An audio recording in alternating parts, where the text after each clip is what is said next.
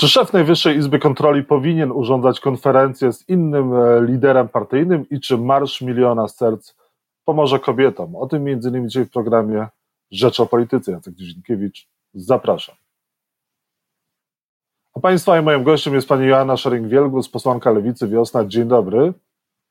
Witam, dzień dobry panie redaktorze, witam Państwa. Czy wybiera się pani na Marsz Miliona Serc 1 października? Panie redaktorze, nie mam w ogóle problemu z maszerowaniem. Od 8 lat maszeruję na wszystkich możliwych marszach. Byłam 4 czerwca. Jak trzeba będzie pójść 1 października, to pójdę 1 października. Natomiast jest jedna rzecz, myślę, ważna w tym 1 października. Jeżeli będą wtedy wybory, to musielibyśmy się zastanowić, jak to zorganizować wspólnie, e, jeżeli chodzi o partie opozycyjne, żeby Państwowa Komisja Wyborcza nie przyczepiła się do nas. Mhm, no ale wybory prawdopodobnie będą 15 października. No, tego nie wiadomo. Chodzą też takie. Tak, ale chodzą też takie słuchy, że mogą być i 5 listopada. Taki termin się teraz y, pojawił. PiS ewidentnie widać, że nie ma strategii na tę kampanię, bo się miota y, od jednego pomysłu do drugiego pomysłu, ale jeszcze raz, y, ja nie mam problemu z tym, żeby pójść 1 października na marsz, nie mają też tego problemu moi koledzy i koleżanki. Zobaczymy, czy ten marsz będzie rzeczywiście marszem o prawach kobiet. Wydaje mi się, że raczej jest to niemożliwe, ponieważ marsze w obronie i jakby za panią Joanną i e, jakby w kontrze do tej sytuacji, która wydarzyła się na komisariacie policji, były teraz we wtorek w wielu miastach w Polsce. Ja byłam na marszu razem z Kaśką Kotulą, z Agnieszką Dziemianowicz-Bąk i Kasią Uberham właśnie tam w Krakowie na tym marszu, więc ten marsz wsparcia i potępienia tej sytuacji, która wydarzyła się w Krakowie i już był. To, co będzie 1 października, to myślę, że to już będzie zupełnie inna emocja i zupełnie inne tematy. Mhm. No, jeżeli chodzi o panią Joannę, myśli pani, że jej przypadek jest na tyle ważny, że może poruszyć e, społeczeństwo? Może być też e, jedną z twarzy tego Marszu Miliona Serc? Nie, mnie się wydaje, panie redaktorze, bo trzeba też jasno e, naszym słuchaczom i czytelnikom Rzeczpospolitej powiedzieć, że takich pan Joann w Polsce jest bardzo, bardzo dużo. Dzisiaj czytamy o pani Oli, która poroniła i która jadąc do szpitala spotkała się z policją, a w domu, gdzie był jej mąż, była prokuratura, która e, przeczesywała szambo w jej domu, żeby, nie wiem, wyszukać e, martwy płód. Takich sytuacji, panie redaktorze, jest w Polsce codziennie kilkanaście. O tym mówią organizacje pozarządowe, które na co dzień wykonują to, co powinno robić państwo. Pomagają które, które się boją, które chcą e, usunąć ciążę, które szukają jakiejś informacji i takich sytuacji jest bardzo, bardzo dużo. I ta sytuacja z panią Olą, która którą dzisiaj, e, o której dzisiaj czytamy, jest, mm, ta pani Ola mówi, że ona zaczęła o tym mówić dlatego, że pani Joanna ją e, jakby wzmocniła w, w opowiedzeniu tej historii, więc wydaje mi się, że będziemy też świadkami coraz więcej, świadkami ujawniania takich informacji i odważniejszych kobiet, które będą opowiadały o swoich historiach. Co lewica może zrobić, żeby do tego typu przypadków nie dochodziło, żeby prawa kobiet w Polsce e, nie były łamane, a kolejne sytuacje, e, do kolejnych sytuacji bulwersujących nie dochodziło?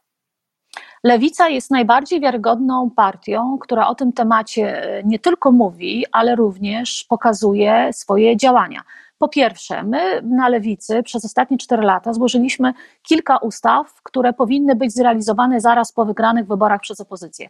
Jest to ustawa o liberalizacji prawa y, aborcyjnego, jest to ustawa o likwidacji klauzuli sumienia, jest to również ustawa o likwidacji recepty na tabletkę dzień po, jest to również ustawa o edukacji seksualnej. Więc jeżeli ktoś chce usłyszeć, co lewica ma na ten temat do powiedzenia, to wystarczy, że zajrzy w ustawy, które są gotowe w Sejmie, które są gotowe do realizacji. Po drugie, jeżeli chodzi o sytuacje takie jak ta sytuacja na przykład pani Janny, to my od dwóch lat, jako posłanki lewicy, od dwóch lat, czyli po tym skandalicznym wyroku e, Trybunału Julii Przyłębskiej, nasze biura poselskie otworzyłyśmy na taką pomoc dla wszystkich osób, które e, takiej pomocy szukają. I rzeczywiście do naszych biur poselskich zgłaszają się mamy, zgłaszają się mamy córek albo młode dziewczyny z prośbą o pomoc, co zrobić w sytuacji, kiedy mam zagrożenie życia, nie wiem, coś jest nie tak z moją ciążą, gdzie mogę dokonać aborcji. My to robimy od dwóch lat. Znaczy, my jesteśmy w tym wiarygodne i e, w tym działamy. I jakby tutaj proszę, e, jeżeli ktoś nas teraz słucha, albo nie wiem, czy będzie czytał później informacje z tej, z tej naszej rozmowy, na lewicy, na lewicę naprawdę możecie Polki liczyć, ponieważ my się tym zajmujemy już od dawna i my jako posłanki lewicy, jako posłowie lewicy również, bo mamy tutaj duże wsparcie naszych kolegów, dopilnujemy i też będziemy gwarancją tego, że w przyszłym koalicyjnym rządzie opozycyjnym te sprawy nie będą spychane na margines, nie będzie mówienia i debatowania, że trzeba to zrobić w którymś momencie, tylko my będziemy robić wszystko, było zrobione jak najszybciej. Jeżeli lewica będzie częścią rządu przyszłego, jeżeli Prawo i Sprawiedliwość straci władzę, to będzie się zabiegać o liberalizację prawa aborcyjnego? Oczywiście, panie redaktorze, w stu procentach. E, Pani poseł, wczoraj doszło do sytuacji chyba niecodziennej. Szef e, NIK Marian Banaś urządził konferencję przed e, budynkiem Najwyższej Izby Kontroli wraz z liderem Konfederacji Sławomirem Mencenem. O czym to świadczy? No i czy tak można? Panie redaktorze, no to jest kompromitacja zarówno pana Banasia, jak i pana Mencena. I teraz powiem dlaczego. Jeżeli chodzi o pana Banasia, to jest kompromitacja dla niego taka, ponieważ stanął e, obok polityka z jakiejś tam partii, wspierając tak naprawdę te partie, ale też pokazując, że Najwyższa Izba Kontroli nie jest e, instytucją niezależną. I to jest bardzo poważny błąd, bo to powinna być instytucja niezależna. Natomiast z drugiej strony mamy pana Mencena, który pokazuje, daje nam taki komunikat, jak instytucje państwowe, gdyby Konfederacja rządziła, będą wyglądały. Czyli pokazuje nam, że będą pod butem Konfederacji. I powiem szczerze, że y, Banaś popełnił karygodny błąd. Mencen wykorzystał y, Banasia. Zresztą, jak zwrócił Pan na pewno uwagę, w momencie, kiedy Banaś mówił o niezależności Niku, Mencen po prostu śmiał mu się w twarz. I to jest taki, myślę, bardzo symboliczny obrazek pokazujący y, zabawę Mencena w politykę i błąd Banasia, który wczoraj, którego wczoraj dokonał.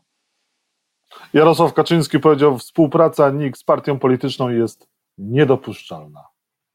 No widzi pan, co się dzieje w ogóle w tym świecie, ja się zgadzam e, e, z panem Jarosławem.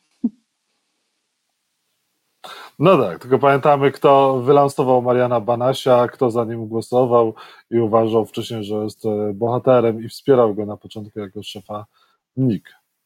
Tak, i tutaj dobrze, że Pan zwrócił na to uwagę, bo jeszcze chciałabym jeden wątek dorzucić do tego, bo zwróćcie, zwróćmy Państwo uwagę na to, y, co tutaj jeszcze oprócz tego, co powiedziałam, jeszcze jest jakby na powierzchni i na tapecie. Mamy też tutaj rodzinę Banasia, tak, która, y, która jest zaangażowana w te wybory, bo wiemy, że syn Banasia będzie startował z list Konfederacji, ale uważam też, że zawiązuje się jakaś jakaś taka nić współpracy pomiędzy PiSem, Konfederacją i być może prokuraturą. Przecież wiemy, że na przykład brat pana Mencena jest osobą, która ma przedstawione zarzuty prokuratorskie. Również zarzuty prokuratorskie ma przecież przedstawione, przedstawiane y, syn Banasia. Więc być może chodzi o to, żeby w momencie, gdyby była ta najczarniejsza oczywiście przyszłość, E, PiS rządził z Konfederacją, żeby pewne rzeczy wyczyścić i mieć pewne karty w szachu, żeby szachować swoich przeciwników i swoich konkurentów. E, pani poseł, na koniec e, pani będzie kandydować z jakiego okręgu, z którego miejsca, czy to już wiadomo? Jeżeli chodzi o listy, to my na lewicy w zasadzie już mamy 99% ułożonych list i bardzo się z tego cieszę, bo to zawsze jest najtrudniejsza taka wewnętrzna robota. Ja oczywiście będę startowała z Torunia, zawsze z Torunia startuję, a to jakie to będzie miejsce, to myślę, że w najbliższym czasie będziemy opowiadać. E, a co z paktem senackim? Czy w końcu się Wam uda go dopiąć? Bo cały czas zapowiadane są terminy e, rozmów ostatecznych, ogłoszenia tych wyników. E, kiedy i dlaczego tak długo? Panie redaktorze, mnie się wydaje, tak jak jeszcze wczoraj rozmawialiśmy, w zasadzie już jest wszystko prawie dogadane i być może w przyszłym tygodniu będzie ogłoszenie tych układanek. I to też nie jest tak, że są tu jakieś tarcia. No wiadomo, że, że y, są to polityczne rozmowy, one nigdy nie są łatwe, ale tak po prostu jest.